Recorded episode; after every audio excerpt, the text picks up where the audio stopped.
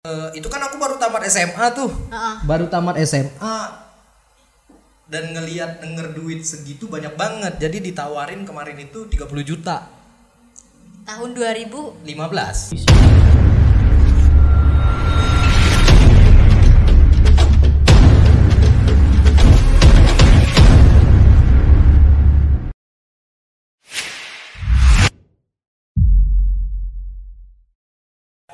Assalamualaikum warahmatullahi wabarakatuh. Halo Sobat Dima Balik lagi di podcast Si Dima Podcast Series kedua, sesi keempat. BTW selamat tahun baru buat teman-teman yang nonton Karena ini udah tahun 2021 Tapi Si Dima Podcast masih nemenin kalian. Nah buat podcast kali ini Kita kedatangan tamu istimewa Jadi ada Katema, Katema Muhammad. Ya, Kak. Jadi Katema Muhammad ini konten kreator, gamers, youtubers, businessman. Mungkin ada lagi mungkin yang belum disebutin. Bener Bener kak? ya? Oke jadi eh, sebelumnya kak Tema, jadi Bima Syabartum ini adalah salah satu perusahaan konsultan pertambangan, tapi nanti akan bergerak di bidang pertambangan juga. Eh, jadi si eh, Bima Sabartum ini bakal buka pertambangan di Muara 2. Lalu ada bisnis lainnya juga seperti konstruksi, eh, ada bengkel juga begitu kak Tema. Jadi eh, kenapa kak adanya si Bima Podca- Podcast ini? Karena kita tuh pengen memotivasi buat teman-teman di luar sana yang nonton, eh, biar buat semangat kalau misalnya seperti Vivi kan kayak mahasiswa tingkat akhir yang lagi mencari jati diri. Jadi gundang Kak Tema biar bisa kasih motivasi buat Vivi buat teman-teman juga. Apa sih yang harus Vivi lakuin gitu loh kan? Eh, mungkin kita masuk aja nih Kak Tema. Kak Tema itu pertama kali dari sekian banyak yang udah dijalanin itu jadi apa? Gak tahu ya, banyak banget sih sebenarnya. Iya, apalagi eh, gimana ya kita mulai ceritanya mungkin dari tahun 2015 aku baru tamat sekolah sampai sekarang itu 2021, 2021. banyak banget sih. Jadi kayaknya panjang nih podcast nih. Iya, Kita nanti banyak. ceritanya Cerita panjang. hidup. Iya.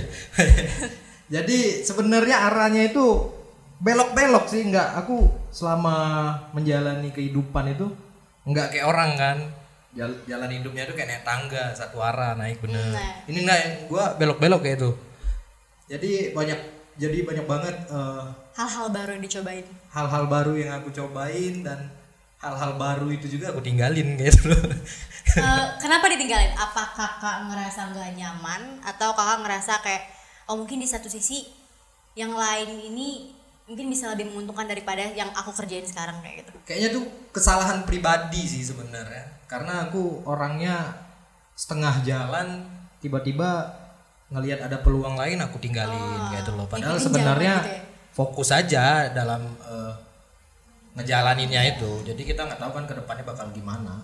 Malah yang salahnya itu ya ninggalin Kalau untuk di tahun 2015 sendiri, Kak Tema itu awalnya jadi konten kreator ya, Kak ya? Eh, gini eh, itu kan zaman zaman SMA 2012 sampai 2014 itu lagi rame-ramenya Instagram tuh Instagram, benar. baru awal-awal kan Instagram jadi eh, pernah kepikir waktu kelas 3 SMA itu ngelihat Instagramnya dagelan kalau Oh, tahu dagelan ya? Dagelan. Sekarang ya? iya terus aku penasaran tuh kok banyak iklan ya di Instagram. Hmm. yang kita biasanya cuma posting akun pribadi kita posting foto-foto kok ada akun yang kayak gitu? Aku mikirnya akun apa ya meme-meme kayak gituan kan? Yang lucu-lucuan terus ada iklannya aku penasaran nih iklannya bayar nggak sih? Gitu. Jadi aku iseng eh, ada emailnya aku kirim email berapa sih biaya iklan yang kayak gitu? Itu kalau nggak salah dulu followersnya Instagram itu satu jutaan deh Satu juta. Di tahun 2000 nggak tahu 14 15 kali ya. Pokoknya di atas satu jutaan jadi aku iseng email eh, berapa biayanya. Eh nggak taunya dibales. Jadi pas dibales aku baca ternyata satu kali posting itu 200 dolar. Dia pakai dolar gitu loh. Wow, 200 ya itu sekitar 2 jutaan lebih kan. Makanya Untuk satu kali untuk satu kali posting, Posting. gitu loh. Terus aku lihat dia sehari bisa 3 5 posting Oh itu gitu zaman kan. itu belum ada instastory.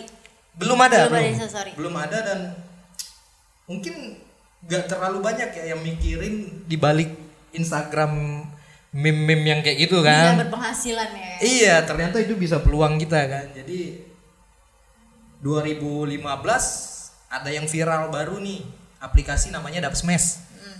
Gak tau Vivi main gak nih Vivi? Nggak main sih cuman kayak lip sync gitu kan Iya iya lip sync kayak itu. Kalau sekarang kan udah zamannya TikTok, TikTok. tuh. Kalau dulu ada Dubsmash namanya kan.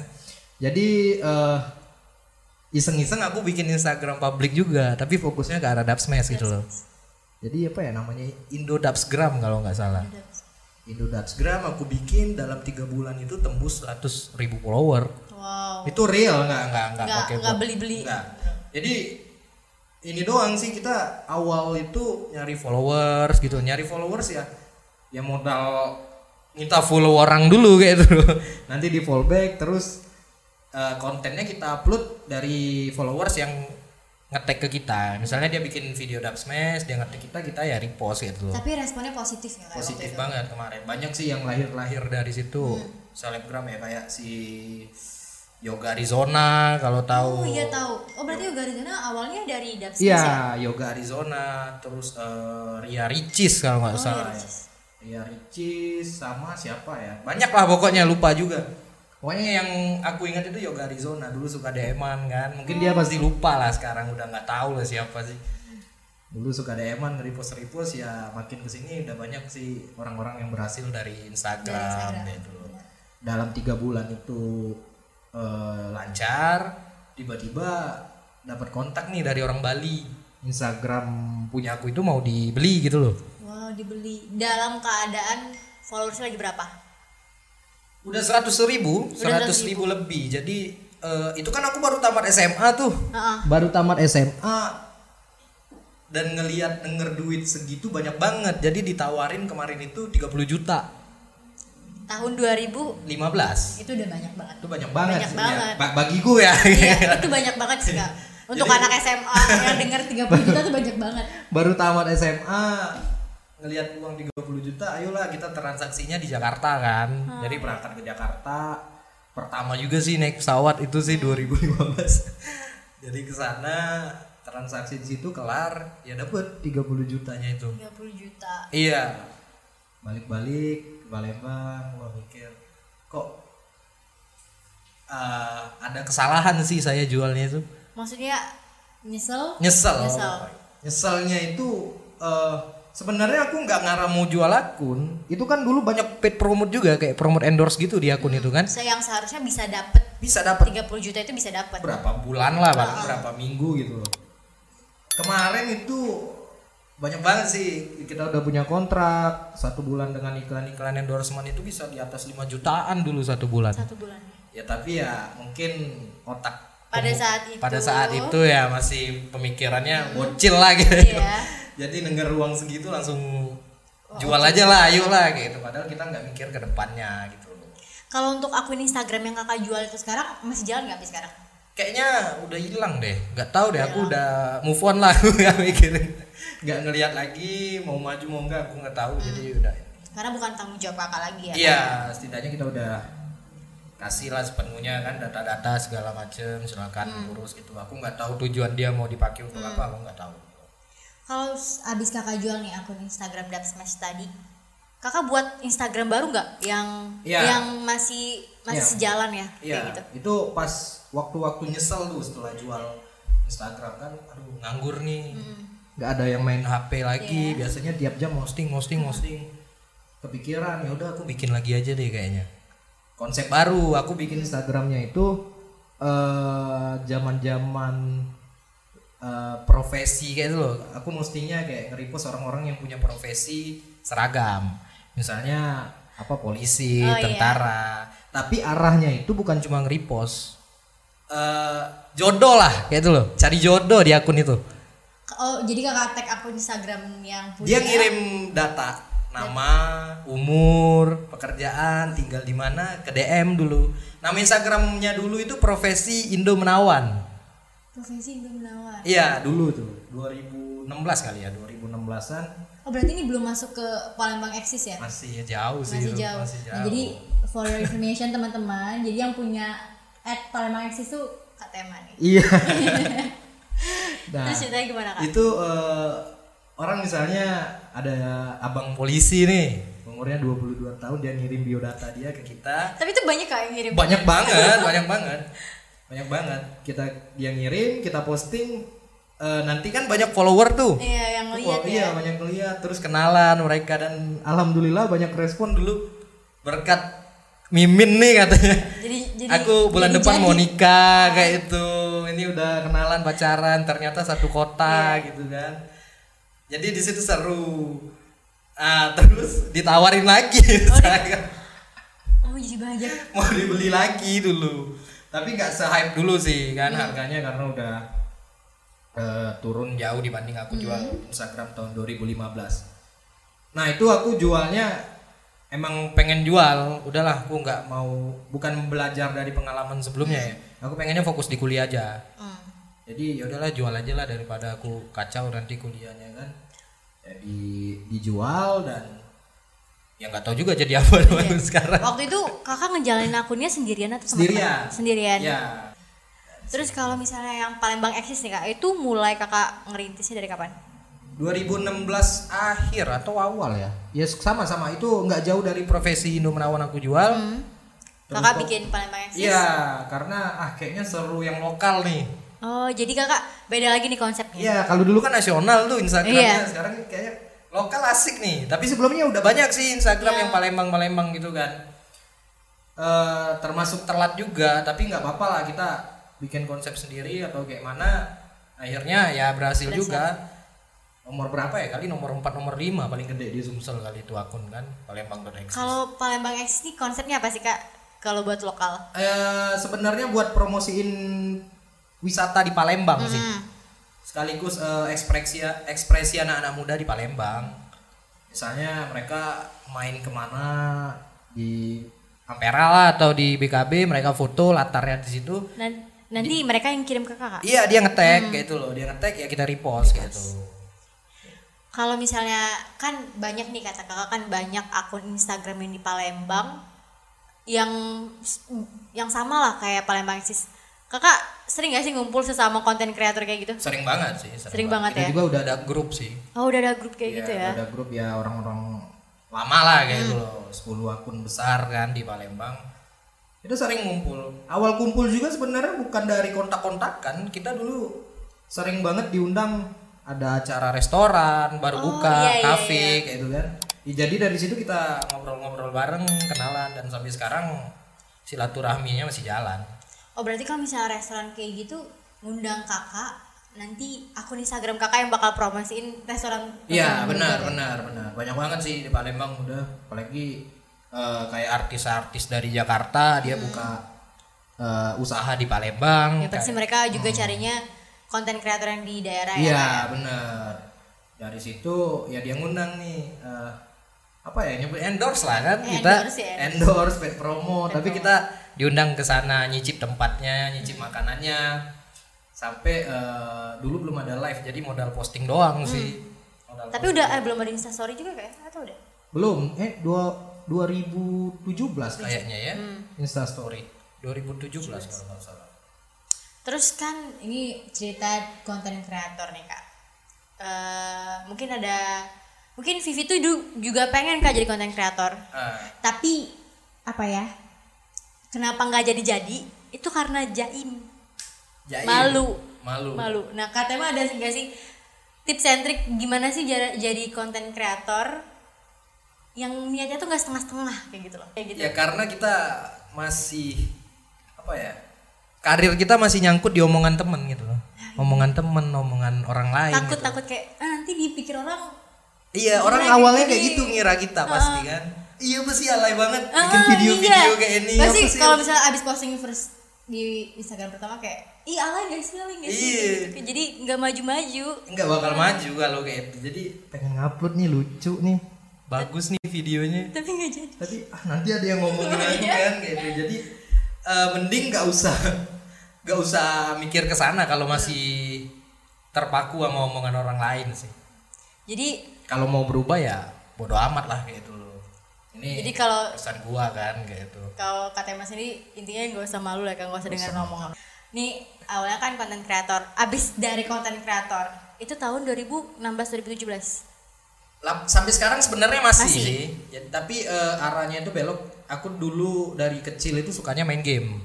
Oh ya dari kecil sukanya main game dari SD kali ya TK kali. Belum sekolah aja udah main game dulu. ada main Nintendo gitu kan.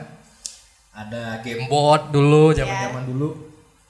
Eh, sampai di SMP eh, udah tahu cara dapat duit dari main game. gitu. Loh SMP SMP SMP SMP berarti ketika pinter banget baca peluang ya kayaknya itu sih kak, itu, itu kakak tahu game bisa ngasilin uang tuh dari mana ya bukan sekedar buat senang-senang loh tapi bisa ngasilin uang Iya sebenarnya kalau main game itu ada dua arahnya sih. Kita bisa tiga lah.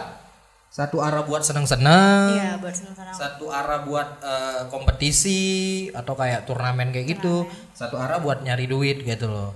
Jadi eh, yang bagusnya itu ambil tiga-tiganya Kalau bisa. Cuma kalau kita bisa fokus satu ya lebih tenang sih hidupnya sebenarnya. Jadi dulu main game itu aku pengen main gamenya yang bisa ngasilin duit. Kayak eh, game apa ya kalau yang terkenal? Mungkin Vivi nggak tahu tahu nggak ya? Kayak main apa ya? Point blank kayak dulu. Oh poin blank tahu. Yang tembak-tembakan nah kita eh, naikin pangkat gitu loh. Oh iya iya naikin tahu pangkat setinggi mungkin kita jual akunnya, Akunnya, gitu loh. mm. Terus juga main game-game lain kan, kayak main apa ya perang-perang gitu. Eh, kita jual senjatanya yang mahal atau pakaiannya yang mahal dengan eh, uang beneran. Uang gitu beneran, bukan yang dari game aja. Iya. Jadi dulu pernah lucu juga waktu SMP eh, kan belum ada rekening tuh. iya masih kecil ya Iya, SMP belum ada rekening, izin ke orang tua minjem rekening, ada yang mau transfer rasanya. Terus orang tua nggak percaya tuh, nggak percaya. karena masih anak SMP ya Kak? Ih, ah nanti uangnya diambil lagi kata dia. Ya orang tua juga masih masih apa Iya. gaptek lah Iya, kalau bahasanya itu. Jadi aku selama itu main warnet tiba-tiba pulang mau minta eh, nomor rekening karena mau jual akun dan orang tua masih nggak percaya. Tapi ternyata aku bisa ngeyakinin dan dapat duit dari situ udah ditransfer narik duitnya sama, sama orang tua kan narik duitnya eh, beneran ada nih duitnya. Dari situ orang tua malah yaudah beli modem beli PC gitu loh. Oh tapi enak loh kalau didukung kayak gitu ya kak ya. Tapi akhirnya nggak jadi Iya. warnet lagi di rumah aja. Di rumah aja Di rumah dari aja. situ. Dari SMP SMA itu kebanyakan di rumah gitu. Hmm. loh Eh, Vivi kan kepoin Instagram kakak nih. Kakak pernah ikut turnamen yang sampai ada seragamnya gitu loh kak yang warna Oh, merah. Iya. nah itu apa? Bisa ceritain nggak kak? Eh, itu main game 2000 dari 2018 itu baru mas baru naik naiknya nih e-sport e-sport gitu iya e-sport ada komunitas Iya, gitu. e-sport e-sport kayak itu dari eh, aku ikut turnamen, main-main eh, sampai juara di Palembang lah kayak itu loh. Hmm. Ya bisa kita bilang eh, or- bernama juga kalau di Palembang tim kita kan. Makanya dari tim Jakarta, tim e-sport narik kita gitu loh. Dikontrak, digaji, oh buat digaji ikut kompetisi, nasional gitu. Makanya berarti ke Jakarta juga waktu ke itu Jakarta bareng sama teman-teman bareng sama satu tim itu. Satu tim karena dikontrak kan. Hmm. oh waktu kakak dikontrak kakak stay di Jakarta atau Stay. di Jakarta Stay di Jakarta hampir berapa lama mungkin setengah tahun ya hampir. oh, lama juga dong Iya lama, ninggalin kuliah sebenarnya. kuliah Ninggalin kuliah dan itu jadi beban moral sih. Karena ada tanggung jawab yang Ada tanggung jawab yang aku tinggalin kayak itu. Makanya eh, dari situ mikir ah kayaknya aku resign aja deh. oh sempat kakak sempat mikir resign Iya. resign buat kuliah Enggak resign, Oh, resign kerja main game itu. kerja main game. Ya kita sebut kerja lah karena iya kan kontrak kan. karena menghasilkan uang Iya. Resign aja lah aku nyelesain kuliah. ya dulu pas pulang ya udah pulang aja selesai kuliah dan selesai kuliah nggak tahu mau ngapain lagi gitu loh hmm. Nggak tahu mau ngapain lagi eh, apa ya aku orangnya nggak suka kalau nggak ada yang dikerjain. Nggak ada target. Iya tiap bulan nih misalnya nganggur ngapain sih gitu? Makan tidur makan tidur nggak bisa lah aku kayak gitu. Nah eh, kalau misalnya bicarain kuliah dulu deh kak. Ah. Kakak kan sempat sibuk istilahnya tuh kayak sibuk sibuk kerja bukan sibuk ngapa-ngapain ya sibuk kerja. Gimana sih cara kakak memanajemen waktu kakak pada saat itu ngenyimbangin antara kerja kakak sama kuliah kakak. Iya banyak banget sih dulu sih. Kuliah, kuliah. kerjaan, apa ya?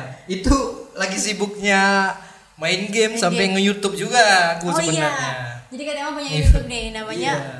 masih nggak sih kak? Masih sih kentang sih namanya kentang gaming.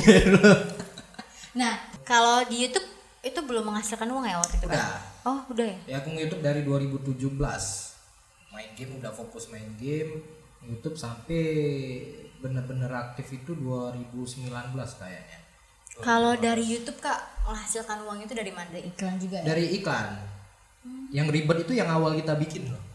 Dia mintanya 4000 jam nonton 1000 subscriber. Oh kayak gitu dari ya? situ. Dan kita ngajuin kayak proposal lah ke Google kalau kita mau dipasangin iklan di YouTube kita gitu. terus eh, ini sih kak eh, waktu kakak jadi youtuber kakak sendirian dong editingnya semua Iya. semuanya sendirian Itu yang aku ngerasa jenuh banget. capek Capek. Aku segala sesuatu selalu ngerjainnya sendiri.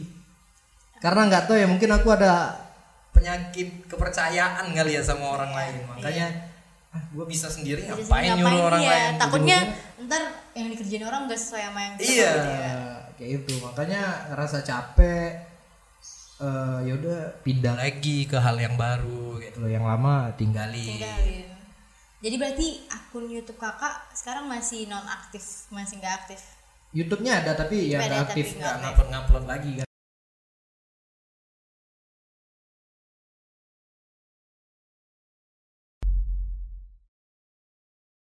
Terus eh, abis kakak jadi gamers. Nah cerita selanjutnya nih. Katanya emang ngapain? Iya itu kan 2019 terakhir ya. iya terakhir dulu Oktober September? Oktober itu. Pulang ke Palembang aduh jenuh banget gitu nggak tahu nih mau ngapain. Tiap hari nongkrongnya di kedai kopi kayak itu oh iya tahun-tahun tahun-tahun segitu booming kedai Booming kopi ya banget, orang 2019 pada di ngopi Palembang. nongkrong. 2019 di Palembang booming banget kopi. Jadi suka nongkrong eh, di kedainya kita belum kedainya lagi masang kursi baru nyusun kursi me gua udah datang ya itu jadi pas mereka cuci piring gua baru Belum pulang. belum pulang baru baru baru pulang. Jadi datangnya Setiap hari kita- gitu dulu. setiap hari. Iya setiap hari karena jenuh banget dulu. Nggak ada kerjaan. Cuma senengnya ngeliat orang kerja bikin kopi kayaknya seru kan maka dari itu mikir ah, kayaknya aku daripada nganggur mending buka kedai buka kopi. kedai kopi juga. Tiap hari di kedai kopi berarti nanti kan? Bukan Iya. ke tempat punya orang ke tempat punya kita sendiri. Iya karena nggak tahu ya aku belum ada kemauan buat ngelamar kerja. Kali ya kenapa kakak berpikirannya belum mau ngelamar kerja malah bisnis nih? Kayak gitu. Ya semoga aja apa yang aku omongin bener ya. Eh, aku ngerasa aku bisa lebih dari itu dari dari pekerjaan yang aku iya. lamar kayak itu loh. Itu dulu 2020 tanggal 15 Februari ya. awal banget Awal banget dulu pakai gerobak gitu loh. Sendirian sendirian di mana kak di daerah Perumnas Celentang. masih pakai gerobak Gerobak, gerobaknya itu bentuknya kayak semi kontainer kayak nah, itu. kontainer Jadi di situ sendirian sebulan pertama dorong wah capeknya luar biasa sempat mau nyerah lagi. Karena namanya kentang tadi kan. iya setengah setengah setengah setengah kan. Dari situ aku nguatin diri lah. Udah nggak cukup lah mau main-main segala hal setengah-setengah kayak gitu. Kapan mau seriusnya ya? Iya kasih aku waktu 2020 aja setahun aja aku ngerjain ini. Bener-bener ngorbanin tahun. Dan alhamdulillah sekarang udah nggak pakai gerobak lagi. Kita udah pindah udah ke- punya tempat. Iya udah punya tempatnya. Kalau misalnya kakak pertama kali buka usaha kayak gitu respon orang tua sama respon keluarga gimana? Berat banget. Perang sih. Perang dunia gitu. Nggak sesuai ya kak. Kadang mau mau ya karena latar belakang orang tua keduanya orang tua saya itu PNS semua. Jadi pengennya anaknya ASN mereka ya. Mereka pengen anaknya ASN juga kali kan tapi ya gimana ya kita orangnya Nggak keras passion, kepala iya. ya Li. terus juga mau jadi ASN nggak semudah itu. Jadi kita jalanin yang kita bisa dulu aja kita alhamdulillah punya tabungan juga jadi berani kan buka. Eh buka dulu aja nih. Sampai pernah dibilang orang tua terus ngapain kamu kuliah kalau mau jualan kayak itu gitu? Sedih sih Sedih, sedih, banget. sedih banget. cuma emang ya pasti orang tua mikirnya kebaikan buat kita kan. Jadi eh, yang aku fokusin gimana ngebuktiin hal yang aku bangun itu berhasil. gitu. Lebih dari apa yang mereka inginin gitu cara kakak ngeyakin orang tua kakak kalau misalnya passion kakak tuh di sini loh. Kakak yakin kakak bakal sukses. Itu kakak gimana cara ngeyakininnya? Gimana ya? Ya mungkin udah nggak ada nggak manja lagi kali ke orang tua. Ya kita nggak pernah minta duit lagi ke duit, orang iya. tua gitu. Eh, nggak minta duit jajan nggak nyusahin orang tua. Ya nggak bis walaupun belum bisa nolong orang tua sepenuhnya setidaknya nggak usah nyusahin udah udah. Udah cukup sih kayak itu loh. Ya semoga aja eh, ke depannya kita baru bisa benar-benar bantu orang tua kan. Ya karena di hari tuanya ntar kalau bukan kita yang ngurusnya siapa, siapa lagi? lagi?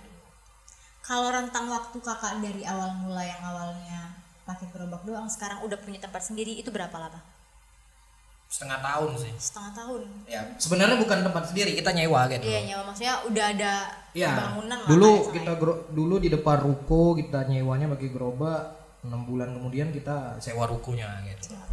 di daerah yang sama. Iya daerah yang sama di depan itu. Berarti Katema ini dong membuka peluang kerja buat orang lain. Iya benar. Aku seben ah, senangnya buka usaha kayak itu bisa buat orang lain tersenyum sih. iya Itu aja bisa bantu keluarga orang.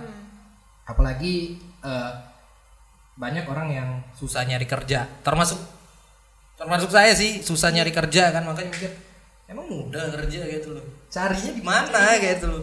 Ya zaman sekarang juga mau kerja prosesnya panjang banget wawancara tes dan lain-lain kan iya belum tentu juga masuk. untuk jadwal operasional dari usaha kakak Ah, Itu itu, namanya kopi eksis. kopi eksis Kopi eksis kita nyamain dengan nama Palembang Tech Eksis.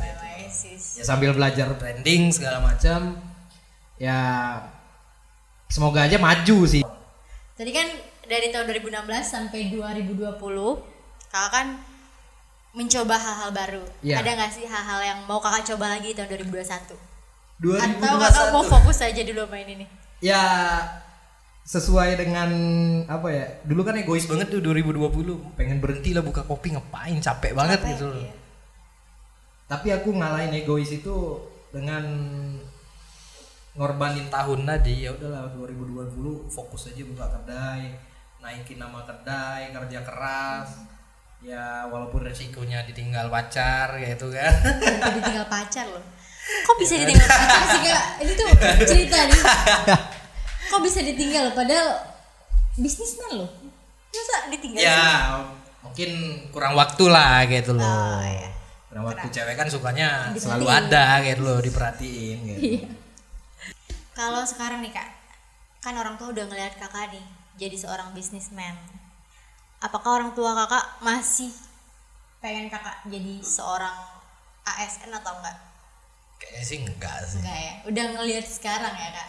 Enggak, enggak sih seharusnya udah enggak Tapi kakak juga sekarang nggak mau ah jadi ASN, maunya bisnis kayak sekarang. Iya sih, kayak itu sih.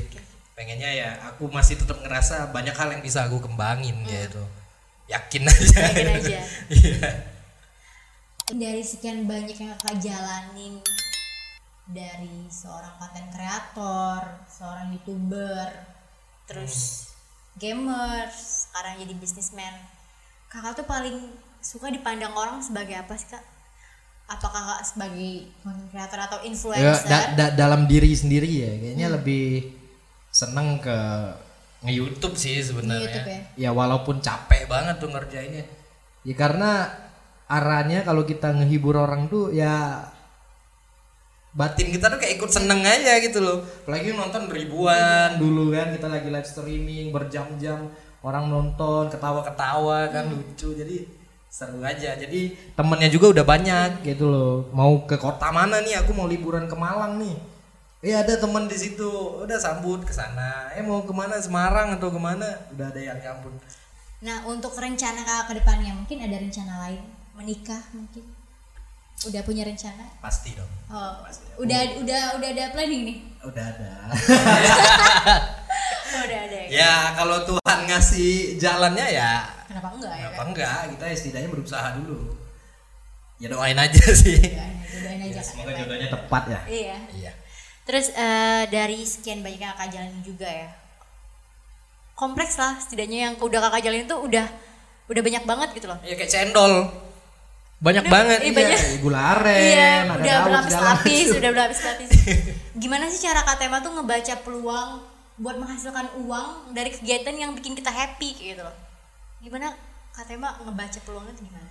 ngebaca peluang ya gak tau juga ya mungkin ya aku kalau ngelihat sesuatu kayak di balik layarnya itu kayak mana sih gitu Hmm. loh misalnya kayak eh, ya kayak yang dagelan tadi Instagram kan Hmm. orang cuma lihat eh lucu-lucu nih cuman aku yang ngelihatnya eh kok ada iklan ya gitu loh Out of the box gitu tuh ah, ah, kita kayak itu mikirnya kan kok dia mesti iklan kayaknya dapat duit nih kayak itu Iya. loh makanya kita mikir ke sana selalu kayak itu kan.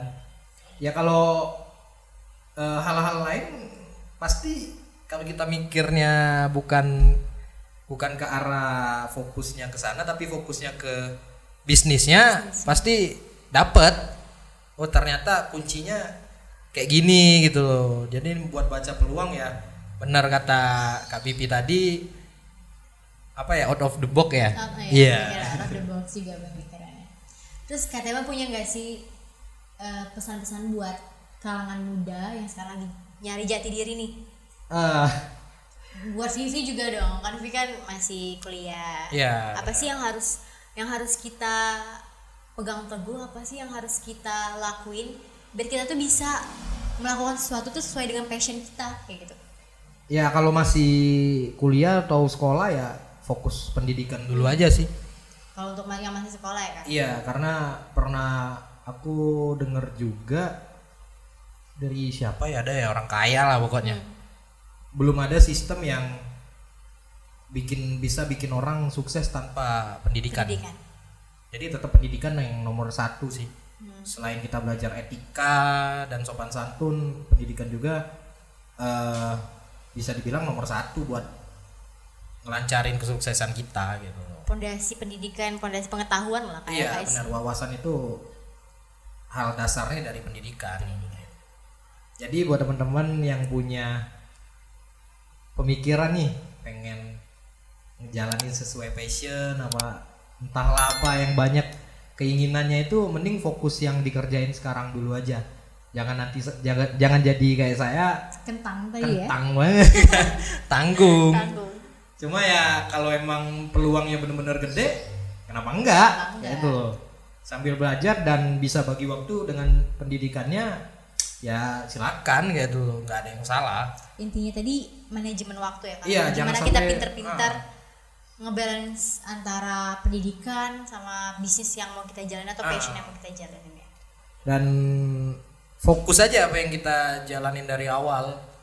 karena kita nggak tahu ke depannya itu apa yang kita jalanin Berhasil atau enggak gitu. Setidaknya kita usaha dulu deh. Kasih target lah. Kayak tuh satu tahun itu paling lama. satu tahun paling lama Iya. kalau kita buat baca peluang apakah ini berhasil atau enggaknya Ah itu bagiku ya. Ya Iya. tergantung tergantung apa yang kita lakuin sih. ya kayak aku kan di baru buka kedai kopi ya mikirnya Setahun dulu deh. setahun Setahun aku harus fokus ke sini. Aku nggak ke mana-mana. Kita lihat berhasil atau enggak. Baru kita jalanin baru kita Bisa hal yang baru kalau mau ini kerjain silakan. Eh, Oke, jadi kan eh, kita kan ada si Bima Podcast, terus kita aktif juga di Instagram. Gimana sih kak caranya sepengalaman kakak yang kemarin menjalankan Instagram Palembang Eksis yang followersnya udah banyak banget, itu gimana caranya biar dikenal sama orang sesuai dengan target kita itu yaitu para orang yang sedang memandang pertambangan. gitu. Oh iya. eh, eh, ini pertama sih yang aku tahu ya. Ini sepengetahuanku eh, Bima sabar iya konsultan pertambangan mainnya ke sosial media, media. gitu loh. Apalagi sampai podcast. Padahal sebenarnya aku nggak ada arah ke tambang gitu loh. Iya. Tapi berani eh, berkomunikasi bareng itu sebuah nilai plus karena di dunia tambang apalagi eh, pasti ada perubahan generasi. Hmm. Sekarang ini udah udah kayak berita konvensional kayak apa koran kayak itu kan udah mulai ditinggalin nih. sekarang udah pada media online semua Digital semua sekarang. Iya. dan prospek buat Bima pasti bagus kayak itu loh Bima Sabartum karena pasti lambat laun para pengusaha pertambangan lah kayak itu loh mainnya ke sosmed, Sosmed, pasti benar. ya entah ayahnya yang punya tambang terus tiba-tiba anaknya nanti yang nerusin butuh konsultan ya nyarinya udah nggak udah gak koran lagi. Nggak koran lagi nggak di ini. Sekarang udah mainnya di online gitu loh. Kalau di Instagram gua nongol nih ya lebih bagus lah kayak itu loh. Baru pertama sih yang aku tahu ya. Yang aku tahu baru pertama gitu. Apalagi sampai podcast kayak gini keren. Ya siapa tahu nanti kalau saya punya tambang langsung Eh, amin loh amin. Siapa tahu ya kan nggak ada yang siapa tahu. nggak ada yang tahu ya amin Eh, untuk kalau misalnya nih mungkin eh, Bima Sabartum sendiri bisa mengikuti langkah kakak. Bagaimana kakak memperkenalkan Palembang eksis ke dunia maya tuh gimana? Ya fokus aja. Fokus aja. Fokus tetap dijalanin. tetap dijalanin tetap dijalanin. Dan jangan lupa eh, silaturahmi terus ke teman-teman yang emang udah punya pengalaman di sosial media. Apalagi kan sekarang aku lihat Bima Sabarum lagi fokusnya ke sosial media kan. dan terus eh, kenalan aja ngobrol dan minta pengalaman dari dia gitu loh untuk brandingnya kan Iya, karena dan ini termasuk berhasil sih brandingnya dari Bima Sabartum. Konsepnya juga dapet sebenarnya dan eh, yakin sih ke depannya bakal banyak yang ngelihat Bima Sabartum dari sosial media gitu. Eh, jadi ke tema kita itu sekarang di masa Bartum tuh lagi ada project. Jadi kita mau buat satu website yang bakal ngejualin alat-alat pertambangan, alat-alat survei seperti itu. Jadi mungkin dari saran-saran Kak Tema tadi mungkin bisa membantu kita buat gimana sih nantinya branding eh, apa yang bakal kita jual di Bima Sabartum ini. Kak Tema eh, untuk sekarang mungkin kalau misalnya teman-teman yang mau beli alat-alat survei itu bisa cek Langsung. di Blibli dong. Oh, sekarang masih, Masih ada, ada di Blibli ada gitu loh. Blibli. Sebelum kita bakal masuk ke project selanjutnya itu buat website sendiri. Bikin website sendiri. Itu kapan sih kira-kira targetnya? Secepatnya. Secepatnya ya. Berarti pastinya. jadi kalau mau cari konsultan nanti, cari alat-alat nggak usah ribet-ribet ya, tinggal udah ada website, udah ada zaman website digital aja. ya kayak. Iya, digital loh. Udah digital tinggal pakai handphone lah ketemu iya. semuanya. Benar, benar, benar. Nah, jadi teman-teman, eh, mungkin makasih ya Kak Tema udah Iya, mau datang di podcast kita kali ini. Makasih juga buat saran-sarannya buat kita gimana sih cara nge-branding, gimana cara ngelihat peluang dari handphone aja udah bisa dapat uang itu. Wah, makasih banget loh. Eh, dan juga buat teman-teman sobat Bima, eh, makasih juga udah nonton sampai habis video podcast kita kali ini. Eh, jangan lupa buat like, comment, and subscribe. Boleh mungkin youtuber langsung ngomong. Jadi flashback. Iya flashback. Gimana kalau kalau kakak dulu ngomong gimana? Oke nih, hello guys, Eh, sampai ketemu di video selanjutnya. Jangan lupa like, comment, and subscribe dan see you next time. Terima kasih sobat Bima. Dadah assalamualaikum.